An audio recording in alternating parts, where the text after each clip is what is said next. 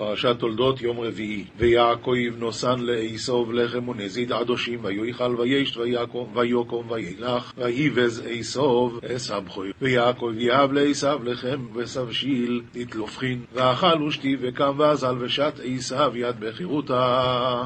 אומר רש"י, ויבז עשב העידה כתוב על רשעו שביזה עבודתו של מקום. וכאן באמת יש לנו לשאול איפה הוא ביזה, מה הוא ביזה. בן אדם רוצה לאכול, לא נותנים לו, אלא אם כן הוא מוותר על הבכורה, אז הוא ויתר, אילצו אותו. ומה אתה רואה שהוא מבזה את הבכורה? רש"י אומר, העידה כתוב על רשעו שביזה עבודתו של... מה אתה רוצה ממנו? התשובה היא, במדרש כתוב, ואיבז, הכניס עמו כת של פריצים, עשה מסיבת עיתונאים. ומה הוא אמר להם? ניחול מדידי וניחוך עלי. בואו נאכל משלו ונצחק עליו. כן, מה אתה תצחק עליו שמה? התשובה היא, ראיתם מה אח שלי נתן ומה אני נתתי, תראו איזה עסקה. אני נתתי לו רק את הבכורה, את העולם הבא. מה הוא? הוא נתן צלחת מרק. ומי לא יודע שצלחת מרק שווה הרבה יותר מהעולם הבא? ניחול מדידי וניחוך עלי. זה הוואי וזה סב. זה הוואי וזה סב את הבכורה. דרך אגב, חצקי לוינשטיין שואל, אחרי 48 שנה כתוב שהוא לקח לו את, הבר... את הברכות, אז איסוב שמע מזה, התחיל לבכות, ויצעק צעקה גדולה ומרה מאוד, ויאמר אחי, אחי קרא שמו יעקב, ויעקבני זה פעמיים, את בכורתי לקח. מה, בכורתי לקח? הוא לקח? אתה נתת,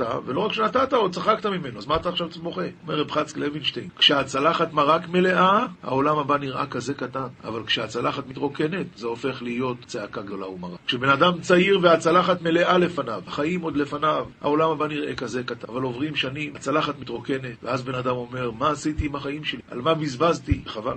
יש הסבר נוסף שאומרים, מה הוואי וזה סב את הבכורה? אז אומרים ככה, אם מישהו, נניח בחוץ לארץ, גויים, כן? אז בא אחד, מוכר תכשיטים מזויפים, זאת אומרת, פלסטיקים. נראה כמו זהב, אבל זה רק נראה. אז הוא מוכר כל אחד בדולר. פתאום מגיע איזה אינדיאני אחד, שלא מבין מה החיים שלו, סליחה, פתאום מגיע איזה אחד, ושם לב שבתוך ה... התכשיטים האמיתיים האלה, יש אחד אמיתי. שואל את המוכר, כמה זה? דולר. דולר? קח דולר. אבל באמת הוא קנה משהו ששווה 200, אז מה הוא עושה? בורח. דבר ראשון, להיעלם מהמקום. אסור לעשות את זה, אני מדבר על גויים. הפוך, עומד כאן איזה אחד שהוא מוכר תכשיטים אמיתיים ב-200 דולר. פתאום מגיע איזה אינדיאני שלא מבין מהחיים שלו, ויש שם איזה אחד פלסט שנראה כמו אמיתי. הוא מוכר לאינדיאני הזה ב-200 דולר, זה דבר ששווה דולר. מי עכשיו בורח? המוכר. זאת אומרת, מי שעושה עסקה מדי טובה, תמיד בורח ראשון, נכון? עכשיו בוא נראה פה, מי עשה את העסקה הטובה? יעקב נתן צלחת מרק, ואיסוב נתן את העולם הבא. מי עשה עסקה יותר טובה? בואו נראה מי בורח. ויעקב נתן לעשו לחם ונזיד עדשים, ויאכל מי איסוב, וישת מי איסוב, ויקום וילך. הוא זה שברח, כי הוא, עוד, הוא עשה חשבון שהוא עשה פה את העסקה היותר טובה. זה הוואי וזה סב את הבכורה. אז פרק כ"ו: ויהי רעוב באורץ מלבד רעוב, וראשון אשר היו בימי אברהם, וילך יצחוק אל אבימלך מלך פלישתים, רורו. וכפנה בהרעה בר מכפנה קדמה עדיה וביומי אברהם, ועזל יצחק לבת אבימלך מלכה דפלישתה היא לגרר. רש"י? אין רש"י. ויהי רואה אלו ואדוני ויאמר אל תרד מצרוימו שכוין באורץ אשר אוימר אלכו ויתגלי לידוני ואמר לה תיכות למצרים שרי בערד יהי מר לך. אל תרד מצרימה שהיה, בד... שהיה דעתו לרדת למצרים כמו שירד אביו בימי, בימי הרעב. אמר לו אל תרד מצרימה שאתה עולה תימה ואין חוץ לארץ כדאי לך.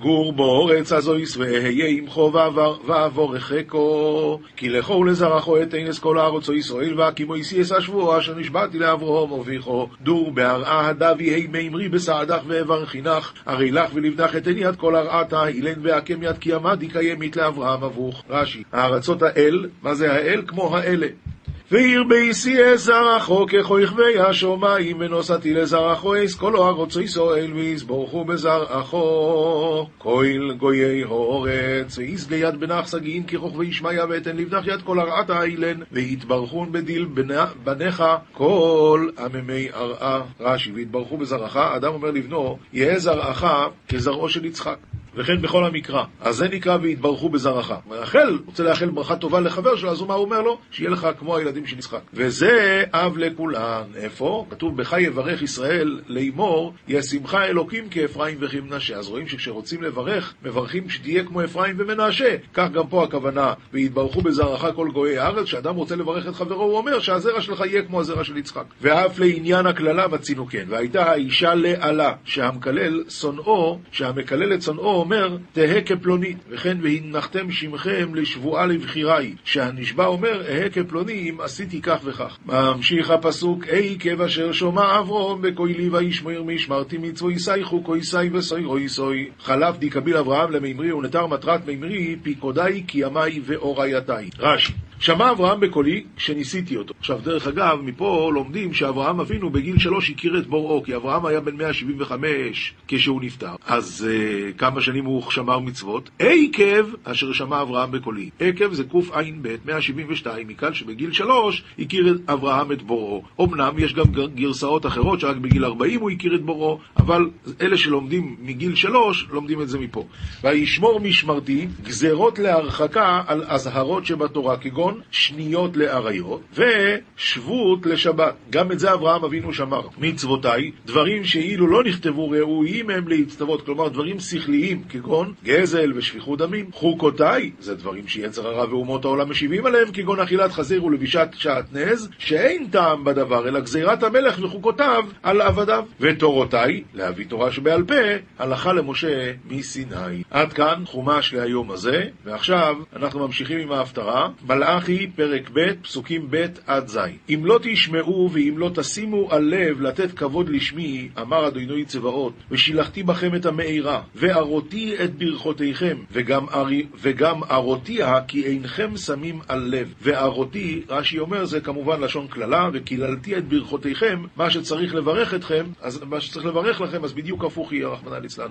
בתנאי שמה? אם לא תשמעו, ואם לא תשימו על לב לתת כבוד לשמי, אמר השם צבאות. הנני גואר לכם את הזרע, וזריתי, וזריתי פרש על פניכם, פרש חגיכם, ונשא אתכם אליו. רש"י, אני גוער לשון גערה והשחתה, וזריתי, ופרשתי הפרש של בהמות חגיכם על פניכם.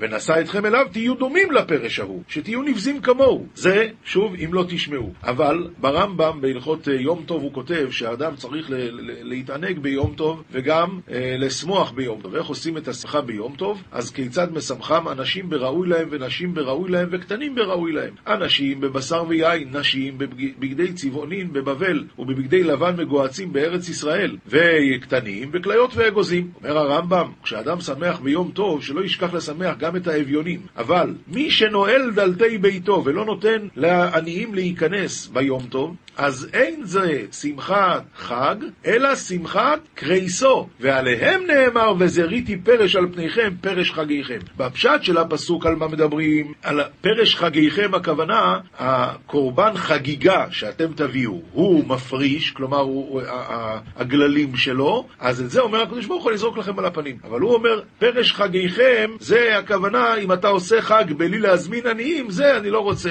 פסוק הבא, וידעתם כי שילחתי עליכם את המצווה הזאת להיות בריתי את לוי, אמר אדוני צבאות. להיות בריתי לקיים הברית אשר קראתי עם שבט לוי. מה הוא אומר? בריתי הייתה איתו החיים והשלום ואתנם לו מורה ויראני מפני שמי ניחתו. איי, כאן הוא מדבר על אהרון הכהן שהיה כזה צדיק גדול שהיה עושה שלום בין אדם לחברו ובין איש לאשתו. כידוע שכשאהרון הכהן נפטר 80 אלף ילדים ילדים ששמם אהרון הלכו אחרי מיתתו, שנולדו אחרי שהוא עשה שלום בית במשפחה שלהם. אז בריתי הייתה איתו החיים והשלום, ואתנם לו מורה ויראני, ומפני שמי ניחת הוא. מפני שמי ניחת הוא, שמפני שמו של הקדוש ברוך הוא, הוא מתכופף עוד יותר. וזה, יש כאן רמז גם לאותו תנא, מי זה היה עכשיו יצא לי השם שלו מהראש, אבל אתם זוכרים בוודאי, היה תנא אחד, רבי מאיר זה היה, שאישה אחת הלכה לשמוע את הדרשה שלו, וכשהיא באה הביתה, אז בעלה כבר כעס שהיא באה מאוחר, הוא אמר לה, עד שלא תלכי ותרגי על רבי מאיר, אז אני לא מכניס אותך הביתה. עכשיו, גילו לו מן השמיים לרבי מאיר שזה מה שקרה. באה האישה הזאת, לא ידעה מה לעשות, והיא תלך לירוק על רבי מאיר. באו חברות שלה, אמרו לה, את יודעת מה, בואי נלך. בא, כשהם באו, אז רבי מאיר אמר, אולי יש, לך, יש כאן מישהי שיודעת לירוק בתוך העין, כואב לי נורא העין, היא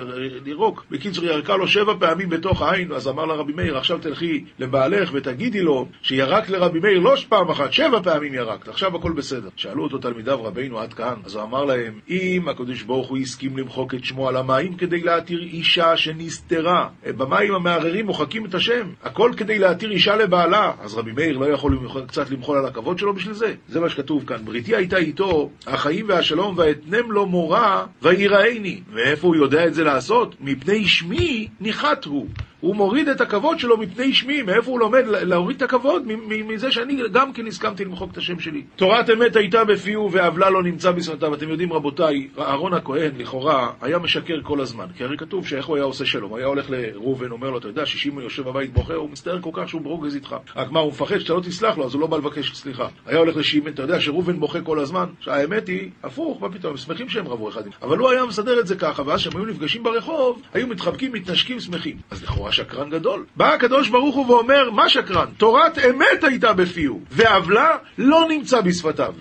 בשלום ובמישור הלך איתי, ורבים הישיב מעוון. אמת, זה מה שהקדוש ברוך הוא קורא אמת. מה שצריך להיות, זה האמת. כי יפתי כהן ישמרו דעת ותורה יבקשו מפיהו, כי מלאך אדוני צבאות הוא. כי שפתי כהן מוטל עליהם לשמור דעת של תורה, ותורה יבקשו מפיהו, כי מלאך השם צבקות הוא. מה זה נקרא כי מלאך השם צבקות? אומרת הגמרא, אם דומה הרב למלאך השם צבקות, יבקשו תורה מפיהו, ואם לאו, אל יבקשו תורה מפיהו. אז, אז כולם שואלים, ואיך נראה מלאך? שתביא לי תמונה של מלאך, אני אראה אם הרב שלי דומה למלאך או לא. אומרים על זה כמה הסברים, הסבר מאוד יפה ששמעתי לאחרונה מהרב דינר, רבי, רבי יהודה אריה דינר, אמר שכמה פעמים בחיים מלאך אומר שירה, אז יש כאלה שאומרים כל יום, יש כאלה שאומרים פעם בשבוע, יש כאלה פעם בחודש, יש כאלה פעם בחצי שנה, יש כאלה פעם בשנה ויש כאלה פעם בשבע שנים. עכשיו תארו לעצמכם, מלאך שיש לו פעם בשבע שנים תור להגיד שירה לפני השם, פתאום בא מלאך אחר ואומר לו, אולי אתה מוכן לוותר לי, נורא רוצה להגיד היום, לוותר? מה כתוב? וכולם מקבלים עליהם עול מלכות שמיים זה מזה, ונותנים רשות זה לזה להקדיש ליוצרם בנחת רוח. זאת אומרת שהם אכן נותנים רשות זה לזה. עד כדי כך, להעביר על המידות עד כדי כך, מי שמסוגל את זה, זה מלאך השם. מי שככה מסוגל להעביר על המידות, זה מלאך השם. עכשיו נעבור לכתובים, משלי פרק ו', פסוק ו' עד י"א, לך אל נמלה עצל, ראה דרכיה וחכם. אומר רש"י, לך אל נמלה ולמוד ממנה, וחכם ויתחכם. מה יש ללמוד ממנה? אשר אין לה קצין שוטר ומושל, תכין בקיץ לחמה, אגרה בקציר, מאכלה. אז יפה מאוד. בחז"ל כתוב במדרש על פרשת שופטים, שמהנמלה צריכים ללמוד שני דברים. אחד זה שהיא אוגרת ואוגרת ואוגרת. עכשיו, כל החיים של הנמלה זה חצי שנה. בחצי שנה היא אוכלת גרגיר וחצי של חיל. ואף על פי כן לא מפסיקה לעבוד. לא מפסיקה לעבוד. היא אוגרת, עד כדי כך פעם פתחו קן של נמלים, מצאו שם 34 טון, 300 קור, 34 טון חיל. מה היא תעשה? כל הנמלים בבריאה סוילום לא גומרות לאכול את מה? מה? אלא הנמלה לא יודעת למה היא עושה את זה כמובן, זה הטבע שלה, אבל מה הקדוש ברוך הוא רצה שאנחנו נלמד מזה? שכביכול הנמלה אומרת, אולי הקדוש ברוך הוא ייתן לי חיים ואני אחיה הרבה זמן, מאיפה יהיה לי כוח לעבוד? אז שיהיה, שיהיה. אתם מבינים, נמלה חיה חצי שנה, בואו נגיד שהקדוש ברוך הוא ייתן לה אריכוס יומים, כמה? שנה, כמו שבן אדם יחיה 200 שנה. נו, ואז כמה היא תצטרך? שלושה גרגירים, והיא לא מפסיקה. אנחנו אבל, בני האדם, ודאי יהיה לנו עולם הבא. זאת אומרת, אנחנו גומרים פה והולכים לנצח נצוחים, אז כמה צריכים להכין? כמה צריכים להכין? לא להפסיק לעבוד. ככה אומר המדרש. הרב שטיינמן שנסע לאמריקה, הכינו לו מזוודה, והכניסו והוציאו, וכן, זה, זה הוא כן צריך, הוא לא צריך, לא, זה כן, כן, כן, לא. אז הוא עמד להסתכל, הוא אמר להם, תראו מה זה, אני נוסע לאמריקה לעשרה ימים. אמריקה זה ארץ מלאה כל טוב. אם יהיה חסר לי משהו, אני אקנה. לא רק זה, אלא נוסע רק לעשרה ימים. ובכל זאת, תראו כמה עובדים על המזוודה. אז כשבן אדם נוסע אחרי 120 לנצח נצוחי, ושם אין מה לקנות בדרך, אז כמה צריכים לעבוד על המזוודה. דבר שני, אומרים חז"ל, מהנמלה צריכים ללמוד להיזהר מגזל. שראו נמלה אחת הולכת לקן שלה עם חיטה בפה, ואת החיטה הזאת היא לא הרגישה טוב, שמה בצד והלכה לנוח. חברות שלה באו, רצו לקחת את זה, פתאום הריחו שאחת משלהם נגעה בזה, די, לא נוגעים. לך אל נמלה עצל, תראה מה זה, אין לה קצין שוטר ומושל, ובכל זאת נזהרת מגזל. בא חידוש הערים ואומר, נזהרת מגזל, מאיפה יש לה חיטים? הכל גנוב, הגנבת הכי גדולה בבריאה זה הנמלה. אלא מה? כיוון שהיא לבד קובעת את הכללים, אז נזהרת מגזל. למה? הם נגד גנבות הנמלים, רק הם מחליטים מה זה נקרא לי. לקחת מכולם זה פרנסה. לקחת מהחברות זה נקרא לגנוב, ואצלנו לא גונבים. על זה אמר שלמה המלך, לך אל נמלה עצל. לך תראה איך נראה מי שאין לו תורה. הוא יכול להיות הגנב הכי גדול בבריאה ולקרוא את עצמו אדם ישר. אתה יודע למה? כי אין לו תורה. בלי שיש לבן אדם תורה, הוא יכול להיות רוצח ולחשוב שהוא בעל חסד. הוא יכול להיות גנב ולחשוב שהוא אדם ישר. אין, בלי תורה אין כלום. האלף בית של יהודי זה ללמוד. ממשיך שלמה המלך, עד מתי עצל תשכב? מתי תקום משנתך? מה יש? מעט שינות, מעט תנומות, מעט חיבוק ידיים לשכב. ובא כי מהלך רישך ומחסורך כאיש מגן. רש"י ובא כאדם המהלך רישך, מה שאתה רש ממנו, כאיש מגן הבא מהר להגן על אדונ... אל אדוניו. זאת אומרת, אומר רש"י, אומר שלמה המלך, תדע לך, אתה חושב שזה רק, אה, אני רק קצת, מעט שנות, מעט תנומות, מעט חיבוק ידיים לשכב, אבל העניות תבוא יותר מהר ממה שאתה חושב. אתה צריך להיות כל הזמן בפעולה, כל הזמן לעמוד על המשמר, וכמובן מדובר על דברים רוחניים. בן אדם חושב, אה, אז מה, שום דבר. אתה לא יכול, אתה חייב כל הזמן ללמוד וכל הזמן להשקיע וכל הזמן להיות עם היד על הדופק, כיוון שה... שהיצר הרע לא שובת אף פעם. ואפילו כשאתה לא עושה כלום, לא שאתה לא עושה דברים רעים, מספיק שאתה לא עושה מעט שינות, מעט תנומות, זה כבר פיג, לא צריך להוסיף. משנה מסכת בבא קמא, פרק ו' הכונס צאן לדיר ונעל בפניה כראוי. נו, הוא היה בסדר גמור, אז מה קרה עכשיו? בכל זאת יצאה והזיקה. אז הדין הוא שהוא פטור. אם הוא היה בסדר, מה יכולים להאשים אותו? מה הדין אבל אם לא נעל בפניה כראוי ויצאה והזיקה, הוא חייב, צריך לנעול. נפרצה בלילה או שפרצו הליסטים ויצאה והזיקה, אז מה הוא אשם? פטור. כלומר, הוא שם אותה בדיר, את הצאן, וסגר והיה בסדר, נפרצה בלילה או שפרצו הליסטים. הדין הוא שהוא פטור. מה הדין אבל? הוציאו הליסטים. לא רק שהם פרצו את הדלת, הם הוציאו את הצאן החוצה, ואז זה הזיק, אז הדין הוא שהליסטים חייבים. אומר הרב, אף על גב דלא הוציאו הממש, אלא שעמדו בפניה עד שהיא יצאה, הם גרמו לה לצאת, לא רק ששברו את המנעול, אלא שהם גרמו לה לצאת, אז הדין הוא, הווה כאילו הוציאוה בידיים וחייבים. משנה ב' הניחה בחמה, או שמסרה לחירש שוטה וקטן ויצאה והזיקה, חייב. בהמה, יכולה לסבול שמש? כמה זמן אפשר? היא מתעצבנת. ואז, הוא אומר, שמע, אני שמתי אותה, מה שמת אותה? שמת אותה במקום שבטוח שהיא תשתולל. ממילא זה לא נקרא שהיית בסדר. אותו דבר אם מסרת אותה לחירש שוטה וקטן שישמרו עליה, זה נקרא לתת לשמור. ממילא היא ניחה בחמה, או שמסרה לחירש שוטה וקטן ויצאה והזיקה, חייב. מסרה לרועה, שזה המקצוע שלו, נכנס רועה תחתיו. הוא עכשיו קיבל על עצמו את השמירה. ואם היא תזיק, אז הרועה חייב. נפלה לגינה, הוא העביר את הצאן שלו על הר. עכשיו, אחת מהם החליקה ונפלה לתוך הגינה, ונהנית, היא אכלה. הדין הוא שמשלמת רק מה שנהנית, ולא מה שהיא הזיקה. מה הדין אבל אם ירדה כדרכה והיא הזיקה, אז משלמת מה שהיא הזיקה. מסביר הרב, נפלה לגינה הוא כגון שהוחלקה ונפלה באונס. אבל דחו אותה חברותיה והפילוה, אז משלם מה שהיא הזיקה. למה? דאי הוא פשע, דאב אלי לעבורין הוא חד אחד, היה צריך להעביר אותם אחד אחד. עכשיו, אם באמת היא נפלה באונס ואכלה שמה, משלמת רק מה שנהנית. כלומר, חסכה ארוחת ערב שהבעל הבית היה צריך לתת לה. למרות שפה היא אכלה דברים יקרים, זה לא משנה. אבל מה הדין אם היא ירדה כדרכה והיא הזיקה, אז משלמת מה שהיא הזיקה. עכשיו, יש לנו לדון איך, איך אנחנו נעריך את מה שהיא... אם אני הולך לשוק, אני אומר, תשמע, היא אכלה קילו בננות. קילו בננות שווה עשר שקל. מה הדין אבל? אני אומר, היא אכלה קילו בננות מתוך מטה של ארבע טון. כמה שווה קילו בננות מתוך מטה של ארבע טון? שקל? חמש שקל? לא שני שקל. אז עכשיו השאלה איך מעריכים את זה. לכן, אומרת המשנה, כיצד מלשלם את מה שהיא הזיקה? שהמין ביצעה באותה שדה, כמה הייתה יפה וכמה היא יפה. כלומר, כשהיה הכל, כמה זה היה שווה, וכשעכשיו היא אכלה, כמה שהיא אכלה, כמה זה שווה. כלומר, אני לא מדבר על הקילו הזה שהיא אכלה, אלא קילו יחסית לכל השדה. רבי שמעון אומר, אכלה פירות גמורים, משלמת פירות גמורים. אם שאה שאה, מסעתה עם סעתיים. מתי אני אומר שמעריכים את זה יחסית לשדה כשהפירות עוד לא היו גמורים? אבל אם הפירות כבר היו מוכנים, אז באמת היא תשלמת בדיוק מה שהיא אכלה לפי קילו. לא מעניין אותי יחסית. רק אם זה עדיין לא היה בשל, אז זה יחס. כך סובר רבי שמעון. והלכה כרבי שמעון. משנה ג' המקדיש בתוך שדה של חברו, הוא עשה גדיש. גדיש זה נקרא, הוא אוסף את כל התבואה, עושה ערימה. עכשיו הוא הכניס את זה לחצר חברו בלי רשות. המקדיש בתוך שדה של חברו שלא ברשות.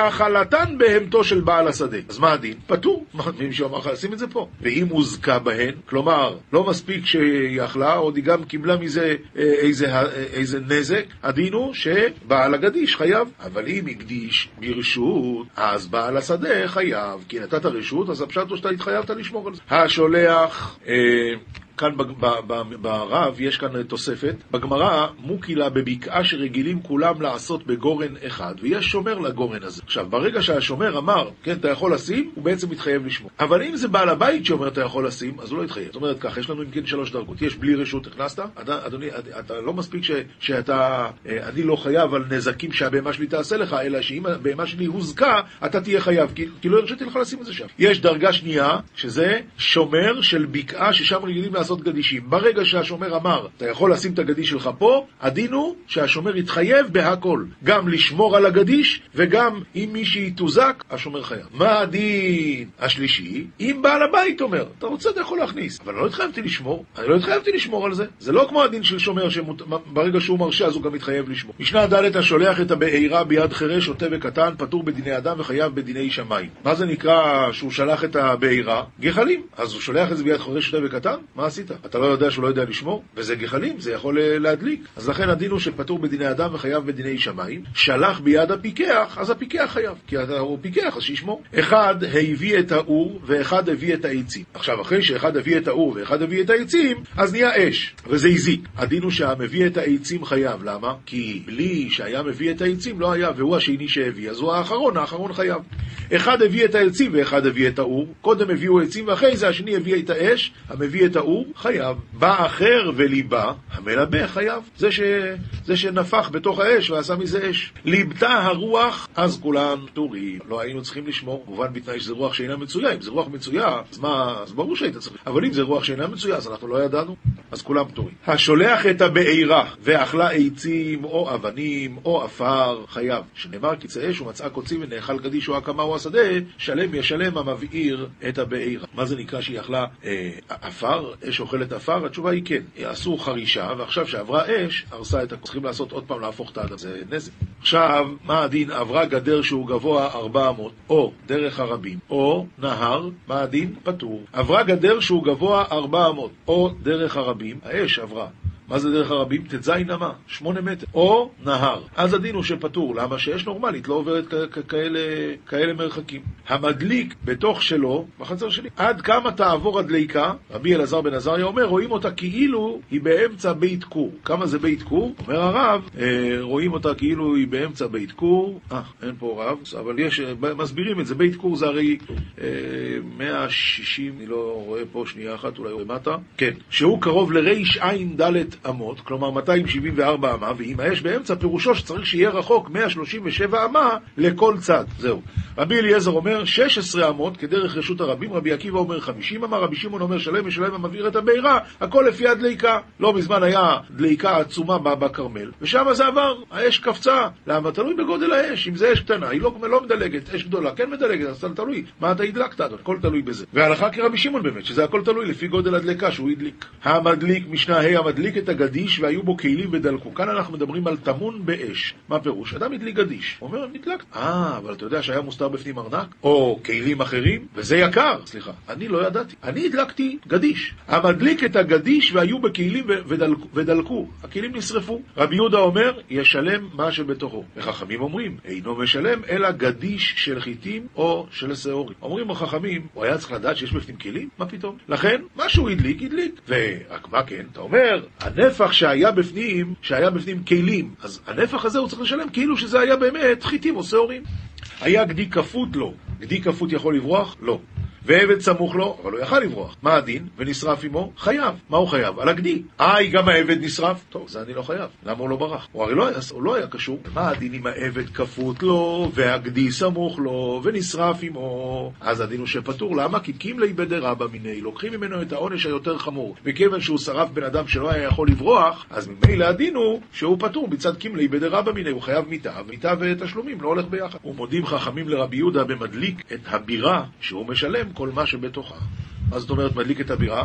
בית. עכשיו, בבית אתה יודע שיש כי אתה לא יכול להגיד, אני התכוונתי רק את הבית, מה פירוש? זה לא כמו גדיש, שאתה אומר, לא ידעתי יש בפנים. בבית יש, שכן דרך בני אדם להניח בבתים. משנה ו', גט שיצא מתחת הפטיש והזיק. מה הדין? חייב. מה פירוש והזיק? הדליק אש. גמל שהיה טעון פשתן ועבר ברשות הרבים, אבל הוא היה טעון יותר מדי פשתן, ונכנס פשתנו לתוך החנות, ודלקו בדר... בנרו של חנווני, בגלל שהפשתן היה כל כך נפח גדול, אז זה נכנס לתוך החנות, ובחנות זה נדלק מה... מהאש שהיה שם של החנווני. והדליק את הבירה, כל הבית הלך. הדין הוא שבעל הגמל חייב, היית צריך לשים לב. אבל אם יהיה החנווני את נרו מבחוץ, עכשיו אתה אשם, למה שמת בחוץ? אז החנווני חייב. רבי יהודה אומר, בנר חנוכה פטור. כיוון שבנר חנוכה זאת תקנת חכמים, לשים בחוץ, אז ממילא הוא פטור.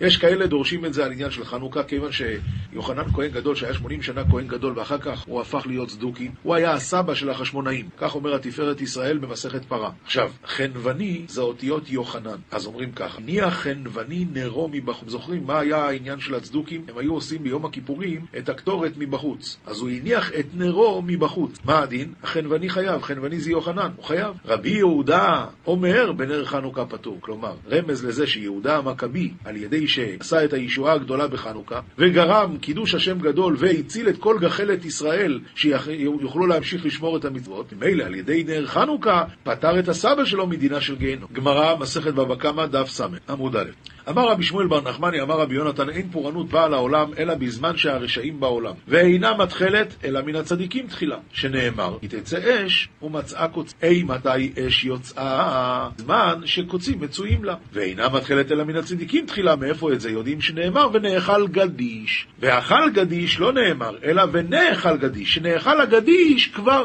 אז רואים שזה פוגע בצדיקים תחילה. עומר רב יהודה, עומר רב לא, עכשיו, מה, מה הצדק בזה? השם יודע. לנו אין מושג מה הצדק. אם הרשעים קלקלו, שיאכלו את זה הם. למה הצדיקים צריכים לזמן? אבל ככה הקדוש ברוך הוא, יש לו את החשבונות שלו, אנחנו, נשאר לנו לקיים את השולחן ערוך ולעשות מה שמוטל עלינו. זהו. חשבונות, השם. ויותר טוב, לא לשאול שאלה. אומרים בשם רבי שמעון מירוסלב, שהוא זכה לחיים ארוכים, אז שאלו אותו בתלמידיו, במה הארכת ימים? אז הוא אמר, אני אף פעם לא שאלתי שאלות. רוב האנשים בעולם כל הזמן שואלים את הקדוש ברוך הוא, למה זה ולמה ככה ולמה ככה, עד שבסוף הקדוש ברוך הוא אומר, אתה יודע מה, בוא, תעלה למעלה, אני אסביר לך הכל. הוא אומר, אני אף פעם לא שאלתי למה, אז הקדוש ברוך הוא לא לקח אותי כל כך מהר להסביר. עומר רב יהודה, עומר רב, לעולם ייכנס אדם בכי טוב, ויצא בכי טוב. מה זה בכי טוב? אומר רש"י, בעוד חמה זורחת, ילין במלון, ולא ימתין עד שתחשך. ולבוקר, לא ישכים לצאת עד שיעיר, שנאמר, ואתם לא תצאו איש מפתח ביתו עד בוקר. תנו רבונו.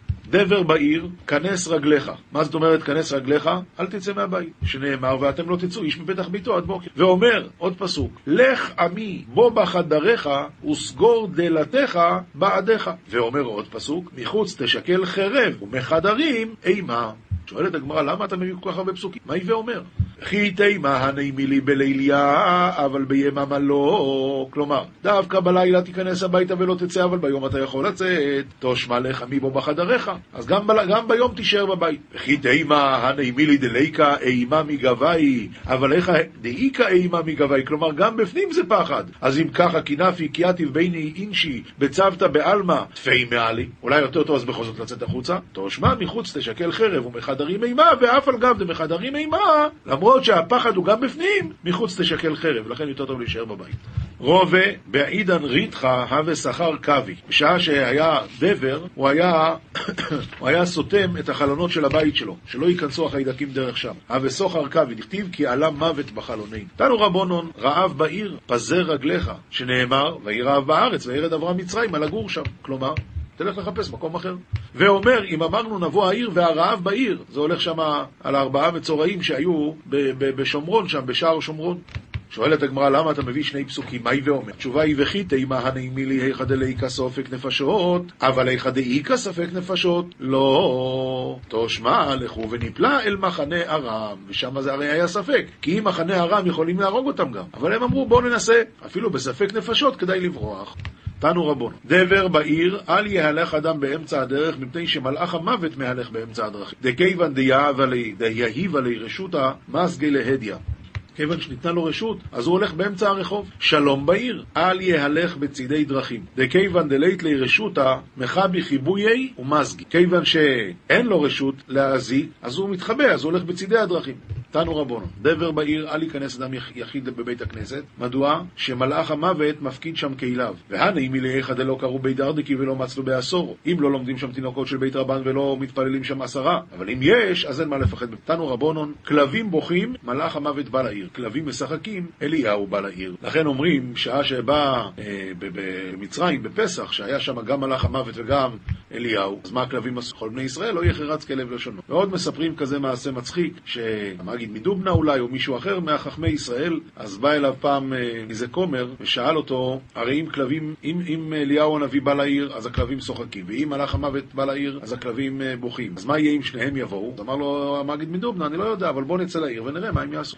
אומר הזוהר, פרשת תולדות, דף קמ"ב עמוד א', ויקרא את עשיו בנו הגדול, דאית כלל מסיתרי דדין הקשיא, שהוא בא מהצד של הדין הקשה. ויאמר, הננה זקנתי לו ידעתי יום מותי, רבי אלעזר פתח ואמר, אשרי אדם עוז לו בך וגוימר. זכה ברנש דאית תקף בי בקודשא בריחו, ואיש ויתוקפי בי. אדם שמתחזק בקדוש ברוך הוא, ושם את תוקף ביטחונו בהשם. יכול, כחנניה מישאל ועזריה דאית תקפו ואמרו, הן איתי אלא הנא דיאנחתא פלחין יחיל לשזבותנה מגועתו נורא יקידתא ומנידך מלכה ישי זיו אולי עד כדי כך כמו חנניה מישאל ועזריה שהם אמרו לנבוכדנצר אנחנו מוכנים לקפוץ לאש והאלוקים שלנו יציל אותנו, ישמור אותנו תאחזי דאי לה ישי זיו ולה יתקיים עליו קודשא בריחו. ישתכח שמי דקודשא בריחו דלא יתקדש בעיניו דכולו הקמא דאמרו. מה היה קורה אם השם לא היה מציל אותם, אז זה יחילו לשם, אז זה לא טוב. אלא כיוון דידעו דלא אמרו כדקייהו, אהדרו ואמרו, ולכן באמת הם גם תפסו חנניה, מישל ועזריה, שזה לא היה טוב מה שאמרו, ולכן הם חזרו ואמרו, והן לה ידיע להווי לך מלכה וגוימר. כלומר, בין ישי זיו, בין לה ישי זיו, ידיע להווי לך מלכה וגויים. זאת אומרת, הם חזרו בהם מיד ואמרו, וגם אם הוא לא ישמור אותנו ולא יציל אותנו, אנחנו לך לא נשתחווה. זה היה תיקון למה שהם אמרו, כי באמת, מי אמר לך שהשם יציל אותך? ותנינן, דמילה הודה להו יחזקאל. ואנחנו למדנו שאת הדבר הזה הודיע להם יחזקאל, שהקדוש ברוך הוא לא ישמור עליהם, לא יציל אותם. ושאמרו וקבילו מיני דקות שבריחו לא יתקיים עליו. הם הבינו וידעו את זה שהשם לא, לא יציל אותם. בגין דיקבלון אגרא. עכשיו, באמת, השם כן הציל אותם. אז למה יחזקאל הנביא אמר שהשם לא יציל אותם? כדי שיקבלו שכר. כי אם הם היו הולכים על חשבון זה שהשם יציל אותם, אז מה החומה? אבל עכשיו שהם הלכו על מסירות נפש, אז עכשיו יש להם שכר יותר גדול. וכדי נהדרו ואמרו, ואין לה ידיע להווי לך מלכה, אלא לה איתה כף עד כאן. בסדר? אז, אז בעצם אסור לבן אדם אה, ללכת על, על דבר כזה, להגיד, השם יציל אותי. לא, מה פתאום, אתה צריך להתנהג כמו שצריך. אלא לה איתקף ברנש דיימה קודשבריחו ישיזבנני, או אי עביד לי כך וכך. אל תעשה את זה. אבל איש ואיתוקפי בי בקודשא בריחו דסייע לי כדאיהו ישתדל באינון פיקודין דאורייתא ולמיח באורח שוט. אבל זה כן צריך להיות לבן אדם ביטחון, שכשהוא הולך בדרך הישרה ושומר את המצוות כמו שצריך, השם יסייע לו באמת לעשות את הדברים הנכונים. כי דכיוון דעתי ברנש להתדקה, מסייעין לי ודאי. כי כשבן אדם בא להיטהר, עוזרים לו להיטהר. ובדא איתקף קודשא ב... סליחה, ובדא איתקף בי בקודשא בריחו דאי הוא יסייע לי. וזה באמת צריך לבטוח בהשם שהוא יסייע לו ללכת בדרך הנכונה.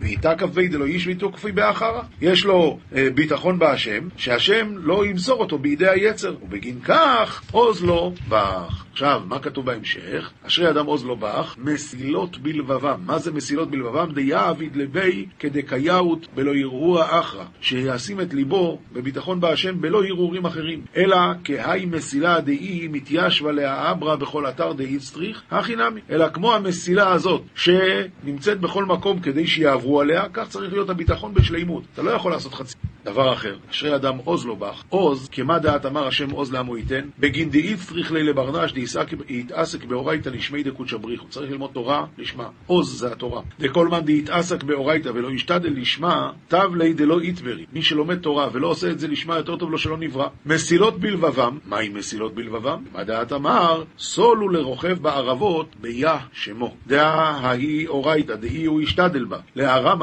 עלי לקודשא בריחו למי בדלי חטיבה בעלמא. הוא הוא לומד את התורה בכוונה, ומהי הכוונה? לרומם את הקדוש ברוך הוא ולעשותו חשוב בעולם. תאחזי יעקב, בוא תראה את יעקב אבינו. כל עובדו יאהבו לישמע דקודשא בריחו. כל מה שהוא עשה, הכל לשם שמיים. ובגין כך קודשא בריחו אהב ואימי תדיר. דלא לא אעדי מיני שכינתא, לא עזבה אותו השכינה. דאה בשייתא דקרא ליצחק לעשו ברי, יעקב לא אהב את המן. הרי כשיצחק קרא לעשו, יעקב לא היה שם. ובכל זאת, שכינתא הודעת לה לרבקה, ורבקה הודעת ליעקב. השכינה הודיעה לרבקה, ורבקה אמרה ליעקב שייכנס ויקבל את הברכות הוא. רואים שהקדוש ברוך הוא, אם, הוא, אם אדם הולך בדרך הנכונה, השם עוזר לו. רבי יוסי אמר, תאחזי, יכעס ושולם באוזינה יתברך איסוב. לא איש לא תיעקב להלמין. באמת איסוב היה מקבל את הברכות, זה היה סוף העולם. יעקב לא היה מקבל את השלטון אף פעם. אלא מעין קודשא בריחו אהבה, וכל הבאתרי עתה כדי כחס. אלא ברוך הוא דאג לזה, והכל בא מקומו כמו שצריך. הלכה פסוקה, רמב"ם בהלכות דעות, פרק ז', הוא מדבר פה על הלכות לשון הרע. המרגל בחברו עובר בלא תעשה, שנאמר, לא תלך רכיל בעמך, ואף על פי שאין לוקים על דבר זה, עוון גדול הוא, וגורם להרוג נפשות רבות מישראל, לכך נשמח לו, ולא תעמוד על דם רעך. צא ולמד מה אירע לדואג האדומי. כן, הוא דיבר לשון הרע, והסוף שלו היה שנטרד גם מן העולם הזה וגם מן העולם הבא. הלכה ב' איזה הוא רכיל? כל זה שטוען דברים והולך מזה לזה, ואומר, כך אמר לי פלוני, כך וכך שמעתי על פלוני. בקיצור, הוא כל הזמן מעביר את הידיעות מפה לשם. אף על פי שהוא אמת, הרי זה מחריב את העולם. יש עוון גדול מזה עד מאוד, והוא בכלל לאו זה, והוא לשון הרע. והוא המספר בגנות חברו. אף על פי שאמר אמת, אף על פי שאמר אמת, הרבה אנשים טועים לחשוב שלשון הרע זה שזה לא אמת. אמת, זה לשון הרע. אבל האומר שקר, נקרא מוציא שם רע על חברו. אבל בעל לשון הרע, זה שיושב ואומר כך וכך עשה פלוני, וכך וכך היו אבותיו, וכך וכך שמעתי עליו, ואמר דברים של גנאי. על זה אמר הכתוב, יחרט השם כל שפתי חלקות, לשון מדברת גדולות. הלכה ג' אמרו חכמים, שלוש עבירות נפרעים מן האדם בעולם הזה, ואין לו חלק לעולם הבא. עבודה זרה, גילוי עריות, שפיכות דמים, ולשון הרע כנגד כולם. ועוד אמרו חכמים, כל המספר לשון הרע, כאילו כופר בעיקר, שנאמר, אשר אמרו ללשוננו, נגביר שפתנו איתנו, מי אדון לנו? ועוד אמרו חכמים, שלושה לשון הרע הורגת, האומרו, זאת אומרת זה הורג שלושה אנשים, את האומרו ואת המקבלו, וזה שנאמר עליו, כלומר זה שעליו דיברו, והמקבלו יותר מן מוסר מספר צידה לדרך, דף רי"ב. לפי שהכניעה וריחוק הגאווה ידריך את האדם לייחד כל המעשים לשם יתברך. יש לבאר מידת הכניעה. הואיל וזו מידה מאוד משובחת, יכולה להביא את האדם ממש לעשות לשם שמיים. אז צריכים לבאר מה זה נקרא מידת הכניעה. והוא שפלות הנפש והכנעותיה ומיעוט ערכה אצלה, והיא מידה ממידות הנפש. ויראו אותותיה על האיברים מהם, הלשון הרך והקול הנמוך. ומושלו ביצרו בעת הכעס. אדם נכנע, אז גם בשעה שהוא כועס הוא מושל ביצרו. ומיעוט הנקמה אחר היכולת, למרות שהוא יכול, הוא לא נוקם. ועיקרה ויסודה של הכניעה היא כנגד הבורא. וחייב אדם להתנהג בה בכל עת ובכל זמן. והנכנע ייקרא בלשוננו עניו, נבזה בעיניו, צנוע, דקה, שפל רוח, רוח נשברה, נדכה, רך על איביו, נכה רוח. ודברים יש שיתחייב בהם הכניעה לאדם נגד השם, למשל. האחד, כשיחלש כוחו מתנועותיו מפני חלאים ומזגים רעים וחולשת ההרכבה, ייכנע אז לבורא שהוא רופא חינם, ויחלימהו וירפאהו. השני, כשימצאהו פגע מאוהביו ומקרוביו, או ירד מנכסיו וכיוצא בו, ויצטרך לבריות, ייכנע לפני השם, ויצעק אליו וישמע קולו. השלישי, כשיחשוב כמה חובות עליו מהטובות שעשה עמו בוראו, והוא הולך עמו בקרי ובמרי, ייכנע ויפחד מעונשו, ושב ורפא לו, כמו שנאמר באחאב, הראית כי נכנע אחאב? זאת אומרת שחלק מהעניין של תשובה זה העניין של...